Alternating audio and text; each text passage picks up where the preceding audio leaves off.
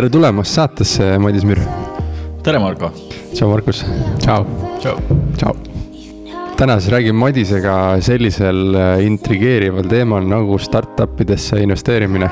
ja põhimõtteliselt proovime siin kolmekesi siis lahti, lahti mõtestada, äh, mis loogika ja mis põhimõtted peituvad startup'i investeerimise, äh, startup idesse investeerimise taga just. nii et ähm, vaatame, kus me siis välja jõuame, igastahes ettevalmistus on kõva tehtud ja, ja, ja saab põnev olema, aga et asja käima panna, siis äh, ma hea meelega teeksin Madis Müürile sissejuhatuse ka ja räägiksin, mis ta siis varem teinud on.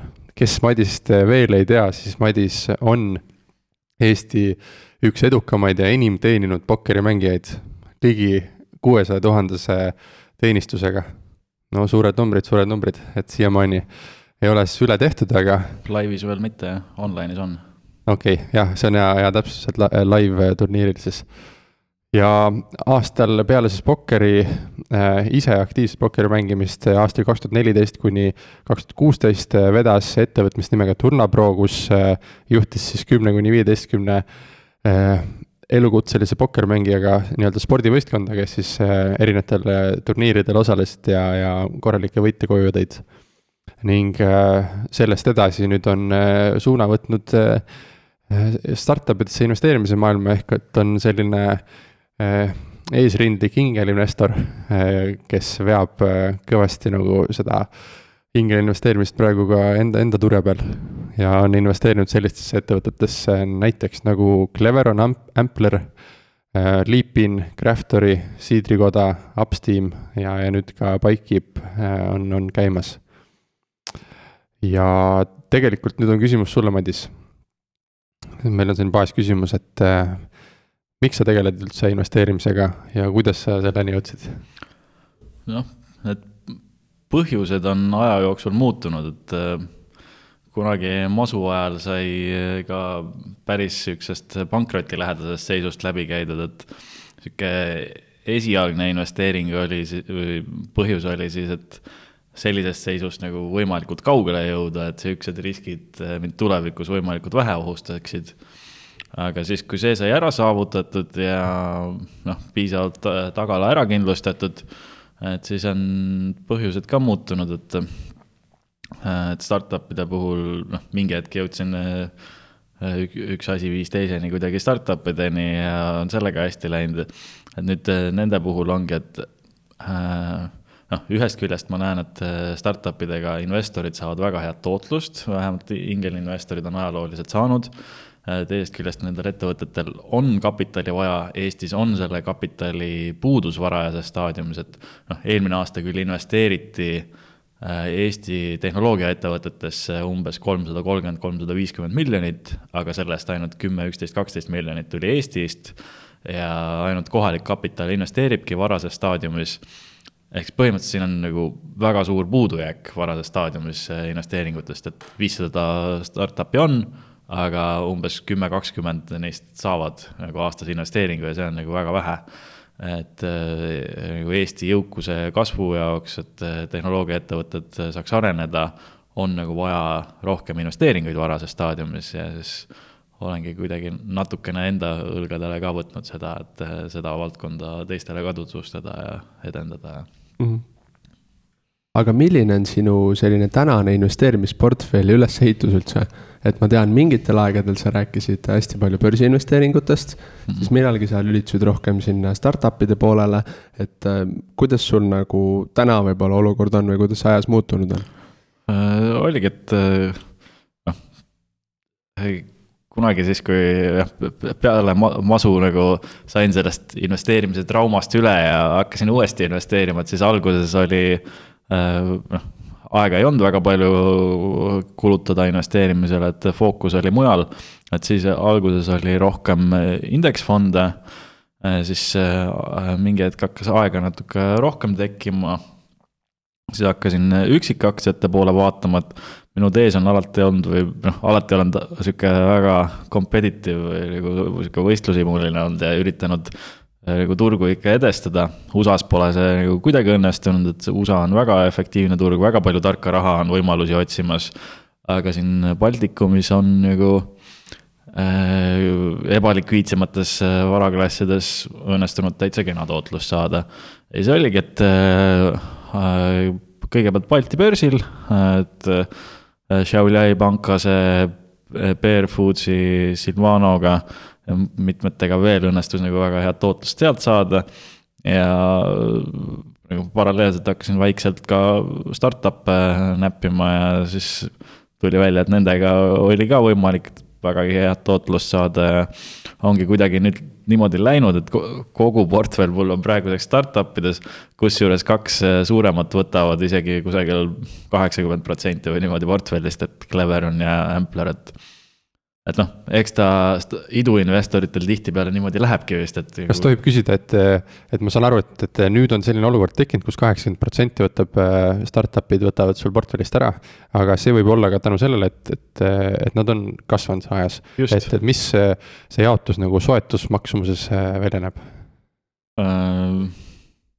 noh, Cleveronisse panin võib-olla kusagil kümme protsenti tolle hetke portfellist noh, raske öelda, kuhu ta praegu välja on jõudnud, et iseenesest ettevõtte tulemused on täiesti orbiidile lennanud, et nagu väga hästi läheb ettevõttel. ja Ampleril ka samamoodi, et noh, Amplerisse äh, algselt panin üksteist, siis pärast panin mingi nelikümmend veel ja siis on midagi veel pannud, et, et sinna ikkagi sihuke paarkümmend protsenti portfellist äh, aga jah, et see on ka nagu mega hästi läinud, et esimesest voorust alates kusagil, ma ei tea, neliteist X-i või midagi juba, et Äh, on, on väga hästi kasvanud küll, jah aga võib-olla selleks, selleks, et siis rääkida täpsemalt sihukesest äh, startup'i investeerimise nagu loogikast ja põhimõtetest, arutame siis natukene ka selle laiema pildi üle, et äh, milline on hetkel, hetkel see nii-öelda kontekst ja kuhu paigutub Eesti selles kontekstis siis. et kuidas sa nagu näed või hindad startup'ide sektorit laiemalt maailmas, et börsiettevõtted meil on, eks ole, olnud juba aastasadu mm. sõltuvalt geograafilisest piirkonnast, on ju. Mm. aga startup'id on tegelikult ju mõnes mõttes sihukene väga hiljuti alles tekkinud äh, fenomen. et äh, kuidas sa nagu laiemas maailmas seda olukorda näed? no äh, sellise startup'i kasvumudeliga on ettevõtted kasvanud ja neid rahastatud juba vähemalt viiskümmend aastat sihukesel professionaalsemal tasemel Ameerikas ja kõik suuremad tehnoloogiaettevõtted, äh, Apple, Amazon, Google, et kõik nad on niimoodi kasvanud. ja tundub, et äh, börsil on viimaste aastakümnetega bürokraatiat juurde tulnud. Äh, ja siis seetõttu ettevõtted lähevadki järjest hiljem börsile. et näiteks kui kolmkümmend, nelikümmend aastat tagasi Microsoft ja äh, Apple läksid seal ühe miljardi kandist, kahe miljardi kandist börsile, siis praegu Uber on minemas üle saja miljardi pealt, Facebook ka saja kandist, Xiaomi seal viiekümne kandist. et noh, järjest suurem osa kasvust toimubki enne börse hmm. ja noh sealt Facebook saja kandist või Uber saja kandist, et sealt, noh, Uberi puhul näiteks on juba raske oodata, et ta seal nagu mingit suurt kasvu järelturul edasi teeks aga kui nagu õnnestub varases staadiumis nagu jaole saada, et noh, äh, seitsmekümne kuuendal aastal Mike Markula ostis Apple'ist kolmandiku kahesaja viiekümne tuhande eest. et no,. päris hea päris hea, on ju. Mm. kas sa oskad äh, muidu öelda, et, äh, et miks toimub enamus kasvu nüüd enne siis börsile minekut? või mis funktsioon sellel börsil on? Äh, varem oli börsil sihuke kapitali kaasamise funktsioon äh, kasvu jaoks, et äh, nüüd tundub, et see bürokraatia on seal nii suureks läinud, et jah, et ettevõtetel on mingit omaette tiimi lausa vaja, et nagu kõikide börsi nõudmistega noh, compliant olla noh, et kui ma ei tea, tegevjuht räägib ajakirjandusega ja siis tal on pidevalt mingi see advokaat kõrval, et mida ta üldse tohib rääkida ja et äh, palju keerulisemaks on läinud äh, börsil olemine, et siis äh, jah, toimubki see kasv järjest varasemalt, järjest rohkem enne ja on ka järjest rohkem kapitali nagu enne börsi neid võimalusi otsimas, et Softbank on ju mingi saja miljardise fondiga lammutamas ja teebki mingi järjest rekordeid, mingi mitmemiljardisi rahastusvoore isegi ja nagu noh. Mm. Et ja nende eeskujul, et teised fondid saaks ka nendega võistelda, siis on ka nagu järjest suuremaid fonde tõstmas ja noh, nii see kasv järjest rohkem nagu enne börsi toimubki. Aga milline niisugune Eesti varajase faasi ettevõtete turuolukord just on, et noh, mida ma nagu ise olen kuulnud, on see, et tegelikult väga palju võimalusi liigub nii-öelda kulisside taga, mis üldse sihukese jaeinvestorini ei jõuagi ja siis on mingisugused võimalused, mis on meil jaeinvestoritele kättesaadavad, ma ei tea, Funderbeamist, Fundwise'ist ja sihukestest kohtadest mm.. et kuidas sa seda Eesti nagu äh, hetkest turuolukorda sellest vaatest kommenteeriksid ja võib-olla edasist väljavaadet? no Eestis on nagu äh, Martinson siin mõni kuu tagasi ütles, et sihuke perfect storm äh, Eesti startup'ide puhul, et äh, ikka väga tugev uus järelkasv on äh, peale tulemas ettevõtteid, et noh, kui kahe tuhandendatel see Skype ja Playtech arenesid, on ju, et siis oli neil põhimõtteliselt ainult arendustiim siin, et mingi müük ja äriarendus ja siuksed asjad tihtipeale olid sihtturgudele lähemal. aga nüüd on nagu kõikides aspektides on sihukest maailmatasemel tegijaid siin Eestis ka. ja et noh, järjest tugevamaid ettevõtteid on, et avalikkusele on jah, võib-olla natuke vähem neist saadaval. et noh, ühest küljest ega mingid keerulisemad B2B tehnoloogiaettevõtted, tarkvaraasjad, ega nad ei, ei peakski olema nagu võib-olla avalikud, et et noh, need kogenumad äh, investorid ja fondid, et need saavad neile rohkem palju kaasa aidata.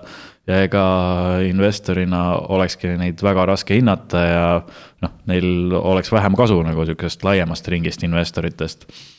et äh, sihuke noh, praegu toimivad laiemas voorus siuksed äh, lõppkliendile suunatud ettevõtted ja see on nagu täiesti fine. ja need ettevõtted, mis on noh, vähemalt Funderbeami kaudu sihukesele laiemale ringile äh, kättesaadavad, seal see deal flow nende ettevõtete tase on isegi täitsa üllatavalt hea, et äh, noh, Funderbeam ise UK regulatsioonidele alluva platvormina teeb sihukese korraliku kodutöö due diligence'i ära nagu investorite eest, pluss siis see, et äh, keegi kogenud juhtinvestor ka omakorda vaatab üle asjad ja vaatab, et kas selliselt hinnatasemelt on see ettevõte nagu investeeritav et see, see nagu teeb sihukese kaheastmelise kontrolli ära ja tegelikult jah, kahte, kolme ettevõttesse on olnud võimalik lausa äh, riskifondide kõrval investeerida, et Funderbeam ise, siis Leapin ja nüüd Upsteam, et noh, sellist asja sul USA-s küll ei juhtu, et sa saaksid, et inimene tänavalt saab investeerida riigi parimate fondide kõrval, aga et mingis mõttes on siin see kättesaadavus äh, palju parem nagu äh, ka jaeinvestorile, et. et niimoodi, et sul kodu, koju tuleb põhimõtteliselt kätte nagu riigi parim deal flow, et seda nagu kusagil mujal ei ole, et. ja noh, see ongi nagu üks asi ka, et siin Eestis seda kapitali veel on vähe, veel on vähe inimesi, kes teavad sellest, äh, noh, kuidas see investeerimine käib ja siis. noh, selle tõttu need hinnatasemed on ka madalad ja ongi võimalik siin noh väga headele diilidele ligi saada küllaltki lihtsalt ja tänu sellele ka palju paremat tootlust saada mm. -hmm. mis sa arvad, kas selles, äh, ma, ma lihtsalt ajakirjanduse vahel, vahendusel nagu lugenud erinevaid arvamusartikleid, on mõned nagu inimesed väitnud, et selles äh, tõusvas startup induses on nagu mõnes mõttes sihukest hästi palju mulli sees. Äh, mis sina selle kohta arvad, kas nagu on, on see sihuke uus haip või on see kõik nii-öelda normaalne asjade jätk ja, ja nii peabki olema ja ja või no mis su kommentaar selle kohta nagu oleks? et jah, öeldakse, mõned äh, teevad nalja umbes, et seekord on asjad teisiti ja mull ja. et äh, ja äh, ei, osaliselt kindlasti nõus, et USA-s ja Hiinas need hinnatasemed on nagu ära tõusnud. aga siin Eestis, noh, keegi sulle ei viska nagu ilusate silmade või suure või ilusa jutu eest nagu rahhi, et siin, siin sa pead ikkagi reaalselt nagu noh, korralikku äri üles ehitama ja väga fokusseeritult äh, nagu turule ja tootele, et mida klient tahab, mis, mis probleemi see tal lahendab, et.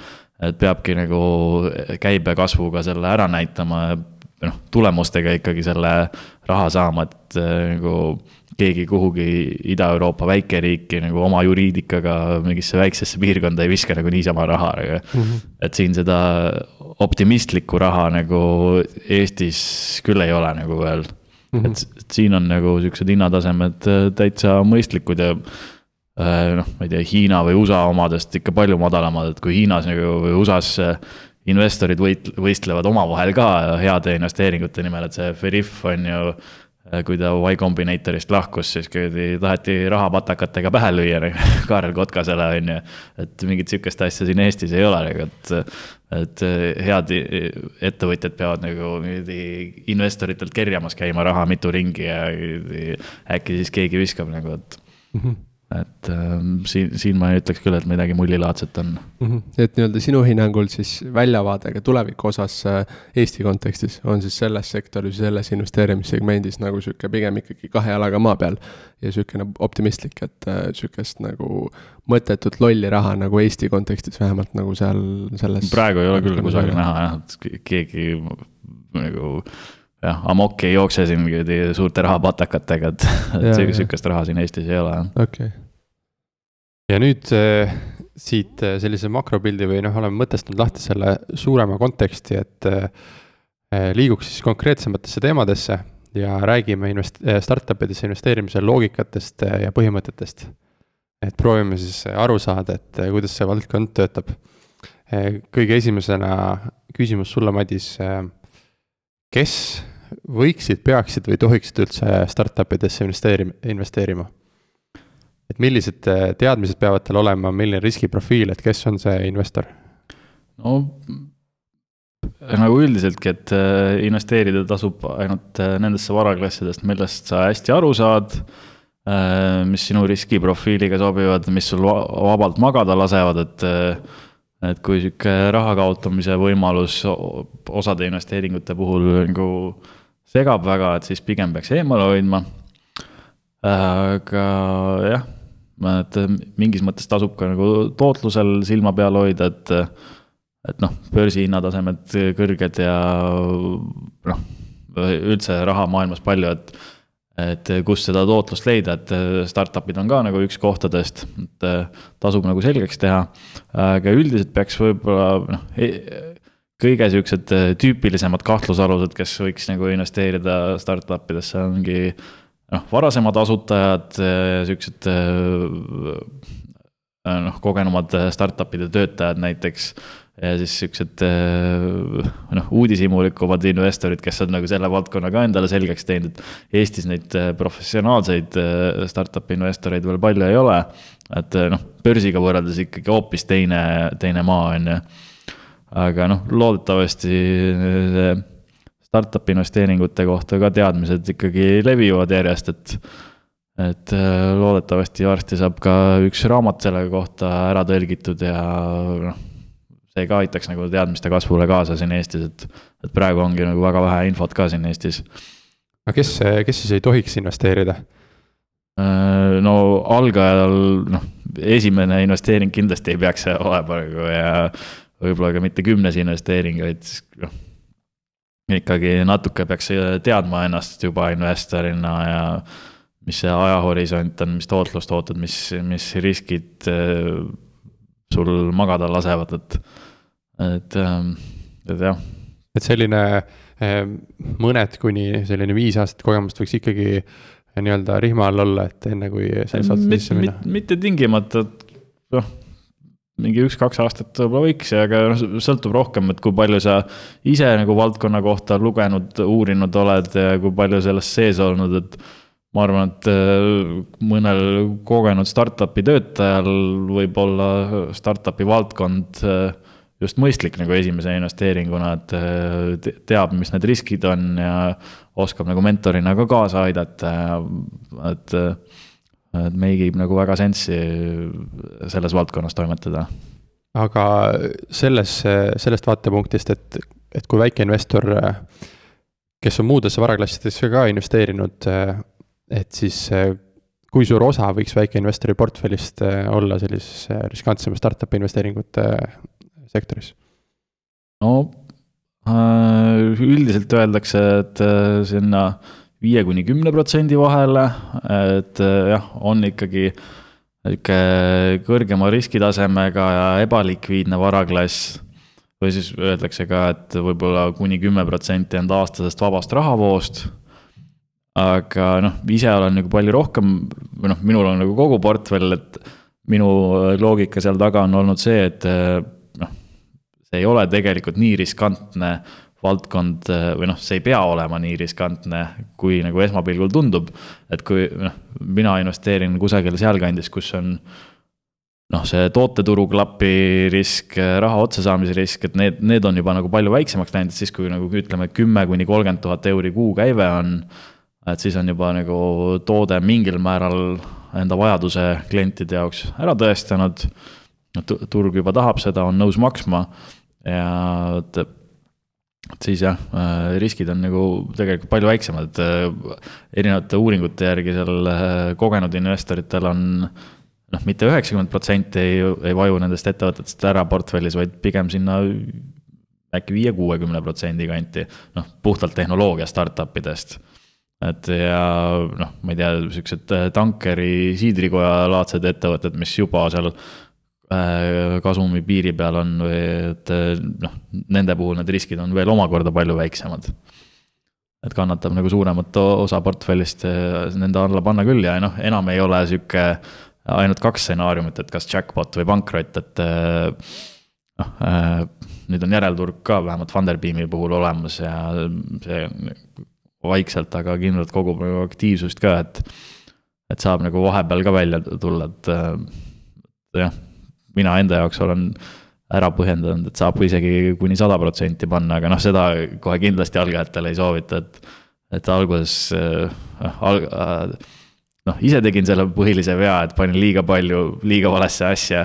ja noh, see on nagu paljudel paratamatult tuleb ette, et, et kui alustada, siis väikselt ja teha korralik kodutöö ja vaadata näiteks mõne kogenud investori jälgedes käia, et et äh, panna samasse asja, kuhu tema ja siis uurida talt, et miks, miks ta sinna paneb ja mis riske ta seal näeb ja kõiki siukseid asju. noh, et sa oled äh, natuuri poolest ka natuke riskialtim investor ilmselt tänu oma pokkeri kogemusele ka, et pokkeris ikkagi äh, õpid riske haldama väga korralikult, et võib-olla sellepärast siis. jah, et ei ole nagu probleeme riske võtta, et, et kümne tuhande taalasel turniiril blufiga suuri panuseid teha ei ole nagu probleem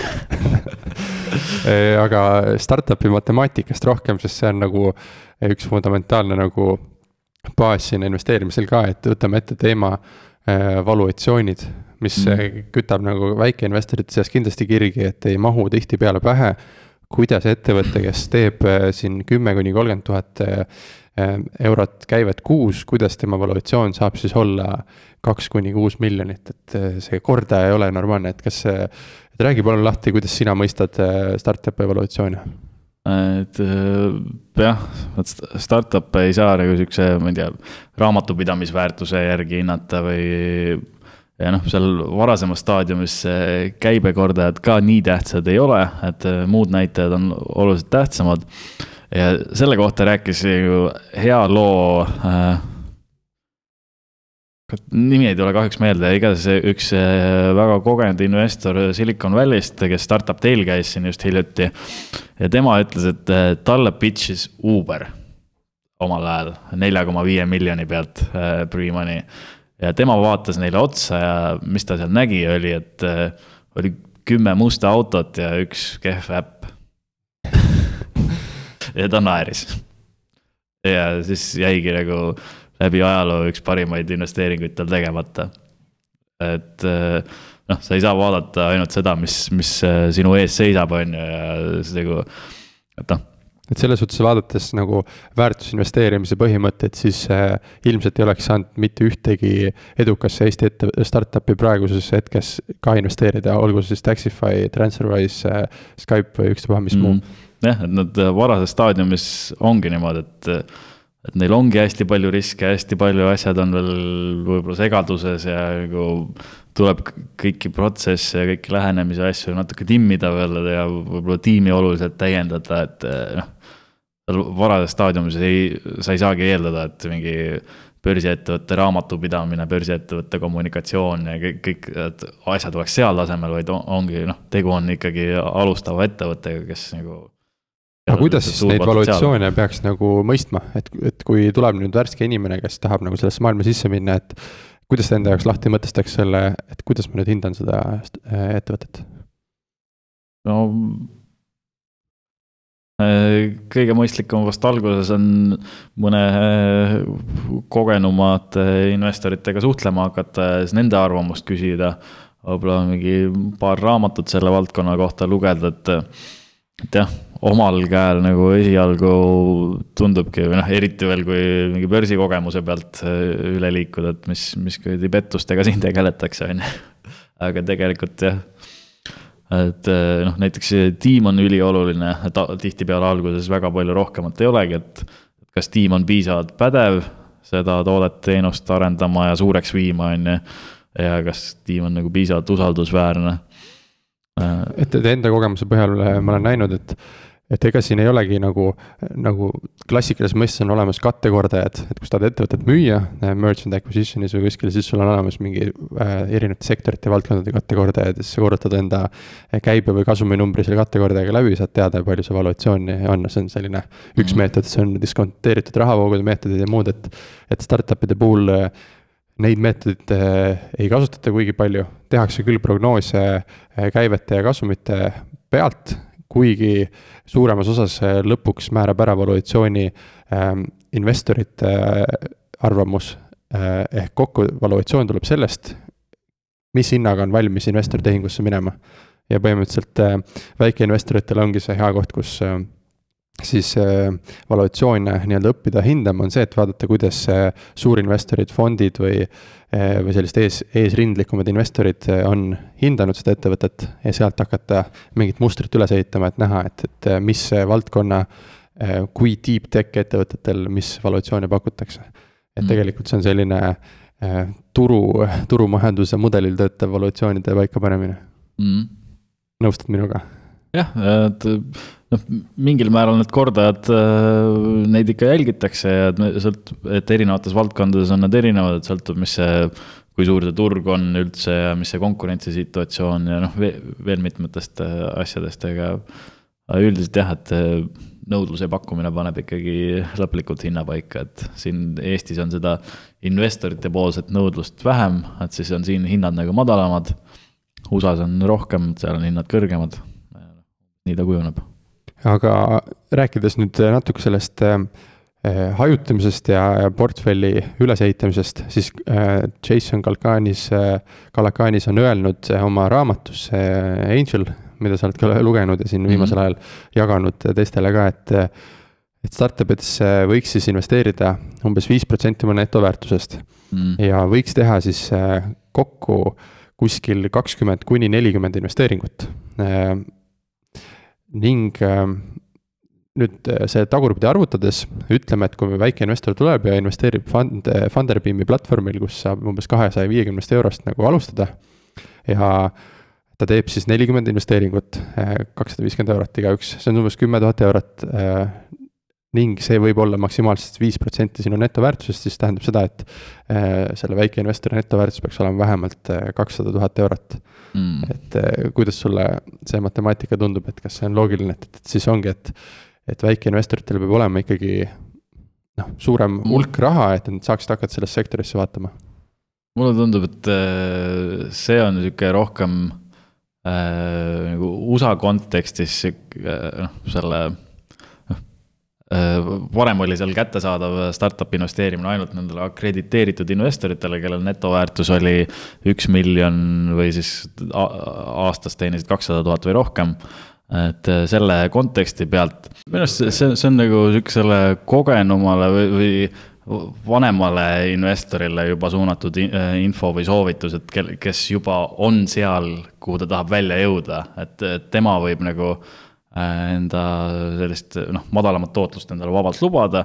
või noh, see sõltub nagu väga investorist endast, mina nagu enda lähenemises tahan ikkagi nagu kõrgemat tootlust saada ja tahan nagu investeerimisega ka nagu sihukest jah ütleme ikkagi viisteist, kakskümmend protsenti vähemalt, pigem natuke rohkemgi tootlust saada. ja selle jaoks on nagu noh, peabki sihukeste äh, suurema tootlusootlusega varaklasside osakaal suurem olema. aga nagu me rääkisime et siin on oluline see siis eh, sinu teadmised ja sinu eelis selles valdkonnas, et, et see määrab ära. aga kuidas, mitu investeeringut peaks siis portfelli äh, valima startup'ide puhul, et saada hajutatus äh,? alates jah, sihuke kümme, kakskümmend, pigem nagu rohkem isegi jah, sinna neljakümne, viiekümne kanti, et noh see ei pea nagu sul kohe esimese aastaga juhtuma, pigem ongi, et esimene aasta võiks nagu sihukeseks õppimisperioodiks jääda, et esimene aasta võib-olla teha mingi, ütleme, neli-viis äh, investeeringut ja siuksed väiksemad. ja siis äh, noh, nende õppetundide pealt, teiste investoritega suhtlemise pealt, et siis võib järgmistel aastatel juba natuke julgemalt vaadata, et kogemust ka rohkem ja võib-olla, võib-olla natuke suuremalt panna, et ja kuidas sa üldiselt hindad äh, jätkuinvesteeringute olulisust, et kui sa teed selle esimese investeeringu ära, siis kas peaks tegema ka pärast äh, panustama veel? no et siin on ju erinevad koolkonnad, et osad teevad alati jätkuinvesteeringuid. mina nagu noh, nii kindlalt otsust ei ole võtnud veel, et kuidas läheneda, et pigem nagu osade uuringute järgi on, et see jätkuinvesteeringu tegemine seda tootlusootust väga ei tõstagi, pigem võib isegi langetada. ja noh, siis sul nagu ühe konkreetse startup'i riskid ka portfellis tõusevad, et, äh, noh. noh, samas öeldakse, et võitjatele panustama peab jah, et noh, ise olen panustanud näiteks juurde ostnud nii Cleveroni kui Amplerit, mille puhul noh, need riskid eh, on väiksemad, et ettevõte toimetab seal kasumlikkuse piirimail juba, et eh, saaks alati nagu kulusid alla tõmmata ja noh, tean, et nagu see pankrotirisk on nagu väga väike. et ise olengi nagu sellest jät-, eh, lähtunud jah, et nagu, et vaadanud, mis, mis need riskid ka ettevõttega seoses on, et mitte ainult nagu kasvupotentsiaal, vaid noh, ei taha nagu riskida ikkagi, et panen mingi kümme protsenti portfellist ühe ettevõtte alla, et äkki, äkki siis läheb pekki nagu, et. Mhm. et siin võib-olla jah, märksõna, et, et võitjatesse siis äh, kaaluda jätkuinvesteeringuid, aga mitte jätkuinvesteeringuid nüüd kõikidesse oma portfelli ettevõtetesse teha, eriti siis, kui äh, raha on vaja, et, et lihtsalt elus püsida. Mis on need äh, konkreetsed nagu nüansid mida sa vaatad eh, enne siis investeeringu tegemist, mis noh, mis on nüüd see checklist, mis peab nagu sinu jaoks olema täidetud, et sa mainisid siin eh, kasumlikkust, juba mingisuguste klientide olemasolu. et saad sa äkki laiendada seda mõtet, et mis sul see konkreetne nagu checklist on, millele sa vastust otsid enne investeeringu tegemist? Äh, noh, kasumlik ta tingimata ei pea olema, ta võiks, võiks seal lähedal olla. lähedal olla. jah, aga noh, esiteks, et ma saaks üldse aru, millega tegu on, et enamuse tehnoloogiaettevõtete puhul ma ei saa aru, et noh, pole tehnoloogia tausta nagu, et äh, on nagu kõik väga erinevates valdkondades väga erinevad teemad, et äh, noh, ega äh, tihtipeale keskendutaksegi mingile kindlamale valdkonnale näiteks. et mina olen pigem vaadanud jah, siukseid lõppkliendile sobivamaid ettevõtteid. et aru saaks, siis noh üritan äh, tiimist võimalikult hästi aru saada, et et kui, mis nende taust on, kui palju neil valdkonna sihukest sügavamaid teadmisi on. mis ägedaid asju nad on nagu varem teinud, et, et noh. tiim peab olema nagu väga tasemel, et, et oleks nagu lootus edukaks saada ettevõttel et üks hea küsimus on näiteks see, mida ettevõtjatelt küsida, et mis on see tegevus või saavutus viimase ühe-kahe aasta jooksul, et mille üle sa kõige rohkem uhke oled? et noh, sa ei taha sihukesesse Al Bundy stiilis ettevõttesse või ettevõtjasse investeerida, kes skooris neli touchdown'i ühes mängus kolmkümmend, nelikümmend aastat tagasi, vaid kes nagu regulaarselt teeb ägedaid tegusid mm. -hmm. et, et jah tiim, äh, toode, äh, turupotentsiaal, et, äh, et kui, kui suur see võimalus üldse on, et ja noh, konkurentsisituatsioon, et, et kelle, kellega see ettevõte võistleb, et kas ta võistleb nagu valdkonnas, kus on palju startup'e nagu omavahel kiirelt arenemas ja nagu väga raske konkurentsisituatsioon või ta tegutseb mingis valdkonnas, kus on siuksed vanakooli aeglasemad tegijad veel, et. ja noh, selle tõttu nagu lihtsam kasvada, et, et jah palju siukseid erinevaid äh, näitajaid, mida, mida nagu kaaluda ja kindlasti äh, küsin ka kogenumatelt äh, investoritelt, arutan nendega, et mis riske nemad näevad ja mis lahendusi ettevõtted siis nagu võtma peaks, et, et nendest riskidest üle saada mm. -hmm. et ettevõtjalt endalt küsin ka sama nagu, et mis, mis riske nad näevad ja mis plaanid on nendest ülesaamiseks mm. -hmm et üritan võimalikult head pilti ette saada. Äh, kui palju äh, startup idesse investeerides üldse su enda psühholoogia hakkab nagu sinu kasuks või kahjuks mängima, et ütleme, börsiinvestorina sa ju mõnes mõttes näed neid hinnakõikumisi, on ju. Mm. sa noh, näed, ma ei tea, üks päev oled punases, teine päev oled rohelises, noh, see juba annab sulle mingisuguse nagu noh, mõjutab sind. Mm. kuidas see startup'i investorina see sind mõjutanud on või kas on üldse? noh mul pokkerist oli sihuke korralik kogemus all, et seal need kõikumised olid palju suuremad kui börsil ja palju tihedamini, et siukseid viiskümmend protsenti aastas kõikumisi tuli, tuli aastas üks-kaks korda, et mm -hmm. siukseid paari-kolmekümneseid mitu korda, et.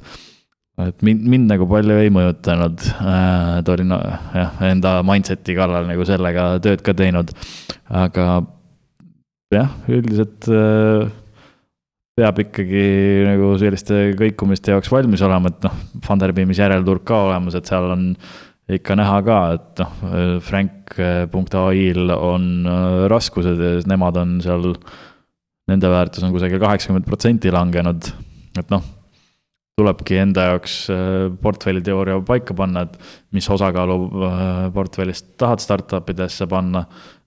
kui palju nagu ühe konkreetse ettevõtte alla, et noh, suure hurraaga ei maksa kindlasti peale lennata, vaid nagu ikkagi teha selgeks, palju sa asjast jagad, palju riske oled valmis võtma mm. -hmm.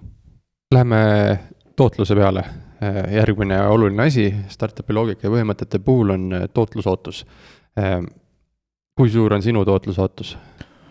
no tootlusootus kasvuettevõtete puhul juba by default peaks kõrgem olema kui börsi puhul, sest noh, pole likviidne äh, nagu börsil ja sa pead tööd ka tegema, et seda diili kätte saada või noh, et ja noh, jah, et, et sa ei saa nagu noh, börsil USA omaval võid nagu küllaltki juhuslikult isegi võtta ja tõenäoliselt läheb sul ikkagi hästi aga startup'ide puhul sa pead jah, ikkagi nagu korralikku kodutööd tegema, et nagu oleks eeldus plussi jääda, et. Ähm, et jah mis, mis numbri kanti see umbes keskmiselt jääb, et sa oled lugenud siin USA puhul erinevat kirjandust? jah, USA puhul ja UK puhul need uurimused on näidanud, et sinna kahekümne kahe kuni kahekümne seitsme protsendi kanti on nendel turgudel jäänud aga need turud on siis siuksed, äh, kus noh, viiskümmend aastat või rohkem on ingelinvesteeringuid tehtud ja äh, kus teatakse sellest valdkonnast rohkem, kus on kapitali rohkem, kus nagu investorid ka võistlevad äh, ka omavahel tootluse nimel, et, et siin on neid investoreid vähem, raha vähem, mis seda võimalusi otsivad. noh, enda kogemus, paljude teiste investorite kogemus nii siin Eestis kui noh, Skandinaavia investoritega olen ka natuke rääkinud, kes siin äh, pikemalt on teinud ja nagu hajutama, hajutatud portfellidega professionaalsemalt, et. et ka neil on äh, need tootlusootused või to, tootlused olnud minevikus ikkagi kõrgemad ja osadel nagu oluliselt kõrgemad isegi kui see kakskümmend kaks, kakskümmend seitse protsenti, et. et on siin nagu täitsa häid võimalusi isegi. ja likviidsuse osas likviidsus see on äh. põhiküsimus, et, et nimelt võib-olla exit, exit itest ka rohkem äh, see küsimus, et äh, ähm, kui, kas sul endal on olu-, on kogemust siis mõnest investeeringust väljumisel? ja, ja kui on, et kuidas see siis käinud on? noh, sihukest ülevõttu või IPO-t mul veel olnud ei ole, aga noh, näiteks äh, Ampleri esimene rahastusvoor, äh, mis Fundwise'is toimus, see sai nagu Funderbeami üle toodud. et äh, selle kaudu nagu on likviidsust ja noh, Funderbeamis on järelturg ka olemas, et, et äh, noh, enda jaoks, minu jaoks sellest nagu täiesti piisab, et et kui nagu siukseid suuremaid väljaminekuid, noh, ma ei tea, kodu või suvilaost ikkagi paar aastat ette planeerida et siis see ei takista midagi, et sihukest ütleme mingi viis tuhat kuni kümme tuhat euri saaks seal kuu jooksul vabastada küll ja nagu noh, ei. mina nagu sellest mingeid piiranguid ei näe, et ja noh, mingi Cleveroni saaks ka enda tutvusringkonnas piisavalt maha müüa, et minu arust on seal nagu see likviidsus nagu täitsa olemas, kui sa ise nagu planeerid enda suuremaid kulutusi ette. mis horisondiga peaks siis investeerima, arvestades seda, et, et üldiselt ähm exit'ite, exit'id ei ole nagu sinu mõjutada nii väga. ja, ja need võtavad, siin võivad kümneid aastaid aega võtta, et, et kas horisont peaks siis olema kümme, kakskümmend aastat? Äh, noh, mingis mõttes jah, mingis ei, et, et üldiselt see on ajalooliselt küll niimoodi olnud, et see jah, likviidsust pole nagu olnud ja neid äh, likviidsus event'e on ka, ka vähe ja noh, börsile jõuab üldse null koma üks protsenti rahastuse saanud ettevõtetest et äh, pigem igaks juhuks peaks arvestama jah, pikema perspektiiviga. aga noh, kui sa investeeridki ütleme, ma ei tea, viissada kuni tuhat eurot äh, ettevõtte kohta näiteks Funderbeami platvormil, siis äh, noh, seni kuni ettevõttel kasvõi okeilt läheb, et seni on nagu võimalik sellega ikkagi küllaltki kiirelt väljuda. et kui on suuremad summad, siis peab ikkagi pikema ajahorisondiga arvestama, et siis on nagu keerulisem natuke välja tulla aga jah, et, et väga sõltub, et noh, näiteks Funderbeamis äh, likviidsemate ettevõtete puhul, noh, Ampler äh,, Tanker, et nende puhul on kuukäive sinna paarikümne, kolmekümne tuhande kanti äkki, et on nagu võimalik sisse-välja saada küll, aga paljude puhul on see ikkagi jah.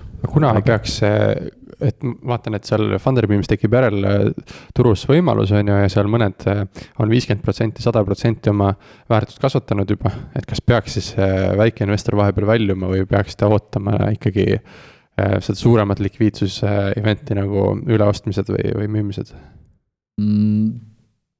noh sõltub, kuidas mis tootlust väikeinvestor ootab, aga noh, startup'ide puhul see, et kui sa vaatad, et ettevõtte väärtus on viiskümmend protsenti kasvanud ja tahad juba väljuda, siis minu arust see ka nagu päris õige lähenemine ei ole, et noh, startup'id on ikkagi sihuke hittide mäng, et sa pead nagu ükssarvikutele või vähemalt sihukestele kümme, kakskümmend X-idele, viiskümmend X-idele pihta saama. ja kui sa tahad juba viiekümne protsendi pealt välja võtta, et siis sa nagu lõikad sellel võitjal pea maha, on ju. ja siis sa jääd, jäävadki nagu kaotajad kätte ja nagu noh, niimoodi sa plussi ei saa selle investeeringuga, et. et pigem peaks ikkagi laskma võitjatel kapata vabalt ja nagu lasta neil kasvada, et et noh, okei okay,, osad seal investeerivadki või noh, sihukese väikse spekulli mõttes, et äh, siis kui raha kaasamine on, on ju, ja ülemmärkimine tuleb, et siis tahavad äh, lihtsalt järelturul kiirelt kümme, kakskümmend protsenti saada ja noh, see on ka täitsa fine. aga, aga noh, pigem tuleks arvestada ikkagi nagu veidi veidi pikema hoidmisega, et ikka mõni aasta vähemalt ja proovida neid äh, suuremaid äh, tootluseid kätte saada, et noh, sellepärast nagu ikkagi investeeritaksegi neisse, et. et neid suuri, suuri võite kätte saada ja noh, näiteks Ampleri puhul ma ise esimest korda natuke müüsin siis, kui sealt esimesest investeeringust oli mingi seitse või kaheksa korda ta kasvanud. pärast on mingi näpuotsaga veel müünud, kuna noh, lihtsalt see on pool või rohkem mu portfellist juba aga et noh, mingi liiga vara ei ole, ei ole mõtet nagu tormata müüma mm. -hmm. räägime natukene nendest äh, riskidest ka spetsiifilisemalt, et äh, mitu korda täna on laualt juba läbi käinud, et äh, see on riskantne valdkond, me üldse ei eita seda. ja, ja, ja nii-öelda noh, seal võiduvõimalus on, eks ole suuremad või üksikud toovad sulle nii-öelda lõviosa sellest võidust siis on ju, nagu see matemaatika seal taga on mm. -hmm. jaga natukene enda kogemust selles osas, et äh, millised on siuksed erinevad riskid, mis on sinul, äh, sinu investeeringutes siis nagu realiseerunud.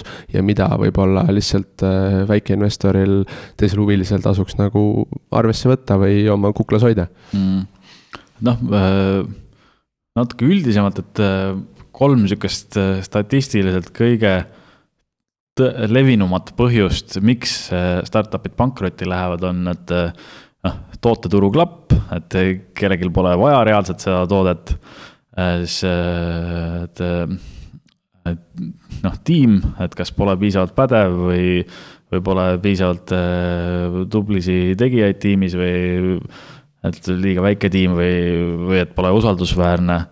ja oota, midagi oli veel noh, äkki tuleb mingi hetk meelde, aga, aga jah, et ja noh, selles mõttes siis, kui investeerid seal ütleme kümne kuni kolmekümne tuhandese kuukäibe kandis, et mina olen leidnud, et minu jaoks on sihuke sweet spot või noh, kus nendest riskidest paljud on nagu ületatud et siis on juba nagu sihuke äh, turunõudlus nagu ära tõestatud selle asja vastu ja noh, tihtipeale nad siin Eestis tegutsevad ikkagi suht sihuke noh, ei pane kohe mingeid viietonniseid palku peale, on ju, vaid nagu ikka suht kokkuhoidliku mingi tudengi elustiiliga ehitavad neid üles, et. et siis on need riskid nagu palju väiksemad ka juba mm. -hmm. et äh, aga jah, noh esimene investeering või noh, seal alguse poole oli üks, kus noh, ei osanudki kodutööd teha, et investeerisin mingisse tuttavate ettevõttesse, on ju. ja noh, tuttavaid nagu algul ei osanud nagu objektiivselt hinnata ka ja ei teinud piisavalt kodutööd, et. et noh, toot-, toote kohta nagu paremini aru saada, et noh, lihtsalt esmapilgul nagu toode meeldis, aga mingi saunatoode oli, aga tegelikult Alibabast noh, neil Eestis või Baltikumis tootmiskulu oli kümme daala või euri.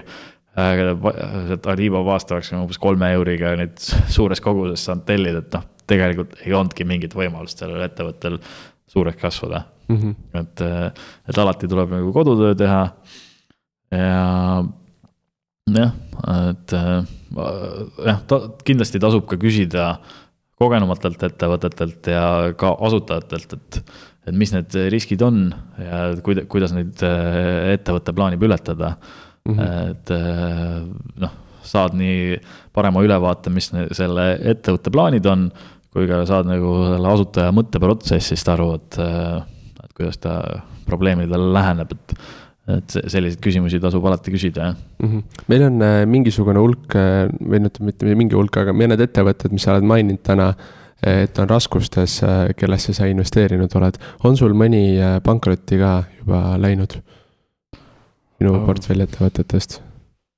ma ei tea, selliseid asju nad nagu ei, ei kipu või kiirusta väga ütlevad. et siis, kui kehvasti läheb, siis nagu jääbki nagu vaikseks ja kuidagi vaikselt sumbub ära, et ma ei tea mm, -hmm. kas nad on zombide maal või, või on juba kõhud taeva poole, et okay. oskad sa nagu selles mõttes, et noh, nimesid me võime mainida, ei pea mainima mm., aga need konkreetsed näited, äh, mis on tänaseks siis kas raskustes või on siis juba kõhud taeva poole, mis on nagu seal nagu valesti läinud äh, või, või mis on need ohumärgid seal olnud sinu hinnangul um,? noh, ma ei teagi kui hea neid nimetada on, aga noh, ma ei tea, ühe ettevõtte puhul oligi, et äh, näiteks äh, asutajal selle valdkonna mingit äh, eelnevat kogemust ei olnud. oli, et noh, mingi tiim oli tal kõrval, aga nad ei olnud veel osalusega kaasatud ja nad olid siukses poole kohaga nagu või, või võib-olla isegi veerand kohaga nagu kaasatud sinna. pühapäeva projekt. jah, et et noh, sellel oli nagu kohe nagu noh, ma küsisin küll talt, et noh, anna neile teistele töötajatele, võtmetöötajatele ka osalus. ta nagu lubaski anda, aga noh, ma ei tea, kas nagu pärast nagu selleni välja jõudis.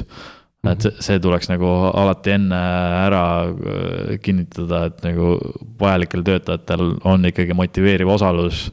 ja et tiim ikkagi nagu noh, on asja juures, et sa, sa tahad ikkagi investeerida ettevõttesse, kus meeskond nagu tegeleb ka selle ettevõttega, mitte nagu vahest siis, kui aega on, aga mm. -hmm. noh, ühe puhul äh, sihuke natuke kunstilisem projekt või midagi sinnamaale, et noh, asutaja ei olnudki tegelikult sihukese ettevõtja nagu taustaga üldse ja ei ole nagu ettevõtja loomusega, et ta seda toodet teeb nagu täit-, väga hästi, aga lihtsalt, et noh, ta ei ole ettevõtja mm -hmm. ja noh. no eks nendesse projektidesse ma panin nagu suht vähe ka ja nagu lihtsalt mingi näpuotsaga, et, et äkki tuleb nagu, aga noh, tagantjärgi ei oleks nagu midagi pidanud panema, aga noh, see, et nagu see natukene läks, see oligi sihuke Äh, vaatasin ise ka, et, et saaks nagu kooliraha kätte ja mm -hmm. makstud ja et nagu oleks huvitavam jälgida lihtsalt. Et noh, ma ei tea, minu jaoks on fine niimoodi natuke kooliraha ka maksta, et on, on nagu teeb, teeb nagu elu põnevamaks jälgida nagu, aga. aga noh, et neid vigu saab muidugi tasuta ka läbi teha mm. -hmm. väikse, väikse summa eest mm. -hmm. kuidas see, see riskide koha pealt, minu küsimus on see, et, et kuidas äh, neid riske maandada siis mingis mõttes, et, äh, et on see valikul, noh, me rääkisime, kuidas valida startup'e, et ongi, kas see ongi kõige parem viis, kuidas maandada või on mingid viisid, kuidas äh, siis, kui sa oled juba ära investeerinud, et siis näha, et kuidas mõjutada saab seda startup'i käekäiku? jah, et enne jah, niimoodi portfelli hajutades, et siis ühe konkreetse ettevõtte riskid mõjutavad vähem, aga ise siukse aktiivse investorina saab ka nagu ettevõttele kaasa aidata, et. Et noh, arutada ettevõtjaga, et mis, mis aspektides nagu äh, nõrgemaid kohti on, on ju, et võib-olla on kedagi juurde vaja, et. et noh, Bikekeepil aitan raha kaasata, et äh, proovin nagu äh, nende tiimi aidata inimesi juurde värvata äh, noh, proovin neile aidata siukseid suuremaid kliente saada, on ju et eh, noh, võib-olla mõnel ettevõttel on, ma ei tea, turunduse poole pealt nõrk koht, siis saan aidata vaadata, kes, kes võiks sobida neil seda otsa, otsa tegema, on ju. noh, niimoodi aktiivsed investorid aitavadki kaasa, et eh, noh, äh, sellel äh, Upsteamil. USA seljas, jah et neil nagu äh, napilt enne rahastusvooru ei olnudki seda tüüpi, kes selle platvormi või äpi nagu valmis teeks, on ju, siis nagu investorid enda ringkonnast leidsid sellise väga asjaliku tüübi, kes, kes nagu sellega tegeleb praegu, et. et jah, investorid aitavad nagu reaalselt kaasa päris palju, et ja tihtipeale see, et kui ta, kui hästi nad mentordada saavad, mis nende enda varasem ettevõtluskogemus on, pluss nende nagu kontaktid nii investorite kui noh, töötajate seas et äh, see, see on tihtipeale isegi olulisem kui see, et nagu lihtsalt raha panna. Äh, et jah, niimoodi saab nagu oluliselt neid riske vähemaks võtta ettevõtte puhul, kui ka nagu oluliselt seda edu tõenäosust ja nagu kasvukiirust suurendada ka mm. -hmm. Eestis on erinevaid võimalusi, kuidas startup idesse siis investeerida. üks viis on siis registreerida ennast Estbani liikmeks ehk et ingelinvestorite võrgustik siis on olemas äh, meil kaks portaali, ühisrahastusportaali, üks on äh, nimega Funderbeam, teine on Fundwise. Ähm, räägi neist natuke, kuidas sina nende vahel orienteerud ja, ja millised võimalused, mis portaalis ja või noh, mis võimalused avanevad sealt ähm,? olen mõlemas portaalis tegutsenud, et äh, Funderbeam allub jah, UK regulatsioonidele, nagu enne rääkisin, et äh, ise teevad korraliku due deal'i ära ja äh, siis lead investor äh, peab ära verifitseerima. Äh, Fundwise'i puhul seda ei ole ja siis noh, sealt on nagu mõned täitsa asjalikud projektid läbi käinud, aga samas äh, on ka mõned siuksed, ma ei tea, oportunistlikumad või siuksed kes nagu natuke liiga palju ilustavad enda, enda väljavaateid ja asju et kuhu nagu kindlasti ei paneks, et, et seal peab natukene ikkagi ettevaatlikum olema ja nagu päris noh. et ega niikuinii ei saa startup'ide puhul sõna-sõnalt võtta seda, mida asutaja vaat-, ütleb. et alati on asutajatel, isegi nagu kõige parematel siuksed roosad prillid ees ja nagu ise näevad nagu reaalsust nagu noh, mingi, mingi natuke teise nurga alt, natuke optimistlikumalt, noh, see ongi vajalik. aga, aga jah, et alati tuleb nagu aru saada, et mis kordajaga läbi pead jagama, et noh. mõne puhul, et kui poolt usud, saad poolega petta, mõne puhul, kui veerandit usud, saad kolmveerandiga petta, et et nagu on ka seda, et jah, et aga kuidas see Estbani liikmeks saamine käib või miks sina see seal pundis oled? Äh, Estbani liikmeks saamine on väga kasulik, et sealt noh, neil seal startup includer'ist käib noh, põhimõtteliselt kogu Eesti deal flow läbi ja sealt käib nagu piirkonna deal flow ka läbi. noh, et kui, kui Funderbeamis on, on ju noh, sihuke korralik taustatöö tehtud ja nagu ütleme, kaks protsenti saabki nagu enda äh, rahastuse ülesse panna sinna, jõuab raha tõstmiseni. seal sa näed nagu igasuguseid karvaseid ja sulelisi, kes nagu, kellest noh, enamus kunagi ei saagi äh, raha äh,. näeb kogu selle loomaaia ära äh,, aga noh, kõik noh, diile käib sealt ka nagu päris palju läbi. ja te, teine point on, et noh need teevad ju äh, täitsa häid üritusi, head koolitajad, mentorid käivad kohal, fondijuhid ja muidu kogenumad inglid nii siitkandist Skandinaaviast kui ka noh, äh, Silicon Valley'st on käinud. ja neil on see NAP-i programm ka, et kus nagu noh, noh, sa saad nende teiste kogenud investoritega tuttavaks ja noh, nendega mõtteid põrgatada, et äh, nendega koos investeerida noh, see nagu kiirendab ka oluliselt mõtte äh, arenguprotsessi investorina, kui teiste kogenud investoritega suhelda ja mõtteid põrgatada mm. -hmm. kui ma tahan nüüd täna hakata õppima startup idesse investeerimise kohta, siis millised on need parimad ressursid, kus seda teha saaks, et kust ma saaks võimalikult õiget kvaliteetset infot või millised on niisugused head infokanalid, mida sa soovitaksid? No raamatutest äh, oleks äh, see Angel ja David Rose'i Angel Investing, et need mõlemad on siuksed üle kümne aasta tegutsenud äh, ingelinvestorid, edukad, et Kalakanis oli Uberi üks esimesi investoreid.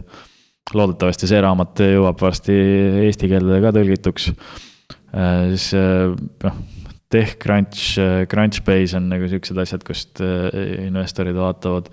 ega tegelikult eesti keeles nagu väga head materjali, sihukest praktilisemat, et kuidas investeerida ja mis, mis ettevõtetesse, et et neid nagu palju ei ole, et noh, ma ise mingil määral kirjutan, ma ei tea, kui sobib nagu enda blogi siin. Äh, no muidugi sinu, sinuga räägime siin promo muidugi, et kus saab lugeda sinu kohta? noh, ise kirjutan aadressil www.rahaasjad.ee, et noh, üritan seal Äh, nii, nii riskidest kui, kui väljavaadetest äh, kirjutada nende startup'ide puhul, kuhu investeerin ja mis senised tootlused on olnud ja noh, ei tea, äh, vast on piisavalt tasakaalukas info, et ja noh, siiamaani on nagu vägagi hästi läinud ka nendega, et, et äkki on, äkki saab mõningaid mõtteid nagu, mille pealt siis nagu ise edasi mõtlema hakata või et äh, noh, kindlasti Estbani lehel võib midagi olla, fond, fondide puhul on huvitav jälgida, et mis nende portfellis äh, on liit-, tulnud. kuigi noh, ja noh, mingi, mõningate aktiivsemate investorite, ma ei tea, blogisi või kanaleid, et Ragnar Sass ja ja võib-olla mõni, mõni veel, et kirjutavad ka nagu väga hästi nagu enda mõtetest et äh, rääkisime korraks sellest, et sa mainisid siin Jason Galakanise raamatut. Äh, ja äkki me saame ühe selle ära jagada ka. saab ikka, jah. aga küsimus on selline, et, et äh, äkki teeks seda nii, et erinevad inimesed saavad küsida küsimusi. siis meie nii-öelda, kui me selle, selle saate üles paneme nii Youtube'is kui erinevates gruppides, et sinna alla saab küsimusi panna mm mille kohta need küsimused võiksid küsida ja kelle vahele, kellele me selle raamatu siis ära anname mm,? noh, ma ei tea, igasuguseid küsimusi startup idesse investeerimise kohta, nii riskide kohta, äh, võimaluste kohta mm,. sinu kogemuse kohta. jah, kogemuse kohta, võib-olla konkreetsete ettevõtete kohta, kust deal flow'd saab noh, mis, mis iganes pähe tuleb. et siis äh, teeme nii, et äh, küsi kõik küsimusi äh, nende, siis meie, kui me paneme saate ülesse, sinna alla küsi küsimusi startup ides investeerimise kohta iga nurga alt ja, ja Madisele otse võib küsimusi küsida tema kogemuste põhjal. ja startup'ide valdkonnast ja siis valime koos Madisega välja ühe, kes küsis kõige parema küsimuse mm. ja, ja siis toimetame selle Jasoni raamatu äh, siis talle. ma olen selle läbi lugenud, ma ütlen super, super raamat ja, Madis on läbi lugenud, ütleb sama ja. just. et, et tõesti hea. ja praegu äh, oled sa siis liidimas ka ühte rahastusvooru nimega Bikekeepi, nimelt Bikekeepi ettevõte kaasab raha Funderbeamis, et äh, kuidas läheb ja, ja, ja, ja mida te teete täpselt seal? Kuule, täitsa hästi läheb, et esialgne maksimumi eesmärk seitsesada viiskümmend tuhat on juba ületatud. et mõtlemegi, et võib-olla tõstame seda ja noh, ettevõte, ma olen ise ettevõtte igapäevane klient, teevad turvalisi rattaparklaid, et Nende parklatest on siiamaani viimase viie aasta jooksul ainult üks ratas ära varastatud ja sedagi mingite spetsvahenditega, et asutajad kahtlustavad, et see oli võib-olla keegi konkurentidest. Et noh, see rataste varastamine on väga reaalne probleem. Ja samas, et noh, neil on väga hea lahendus sellele ja, ja nagu väga palju trende toetab üldse nagu ratastele üleminekut, on ju, et linnad võitlevad autode vastu ja tahavad, et inimesed rohkem ratastega sõidaks ja noh, see on üks tuleviku võimsatest trendidest, pluss siis praegu nagu noh, see, et no need e-skuutrite, noh, elektritõukside jagamisteemad nagu lendavad siin Euroopas ja USA-s ja igal pool see on nagu väga hea ajastuse tekitanud, et kõik äh, kinnisvaraomanikud ja munitsipaalasutused teavad nagu ratta parkimise probleemidest. Ja noh, neil on nagu täitsa head marginaalid ka ja või võiks nagu päris hästi minna, et.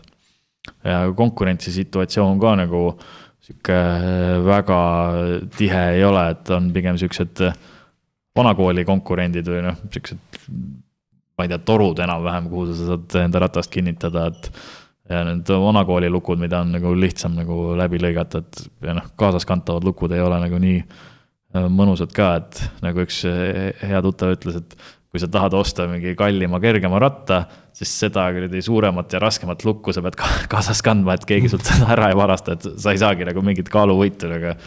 et, äh, et jah, sihuke äge ettevõte on ka samas Funderbeami platvormil praegu ja, ja noh valdkonna tark raha on sinna nagu liikumas, et äh, Ampleri ja Stigo CEO-d, näiteks Pipedrive'i asutaja Jaak Roosaare, mitmed Estbani liikmed, et.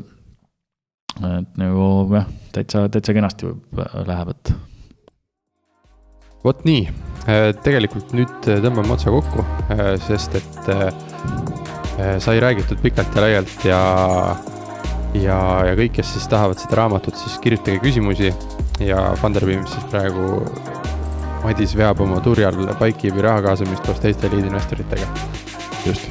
aitäh sulle, Madis, et sa tulid. oli tore, aitäh, et kutsusite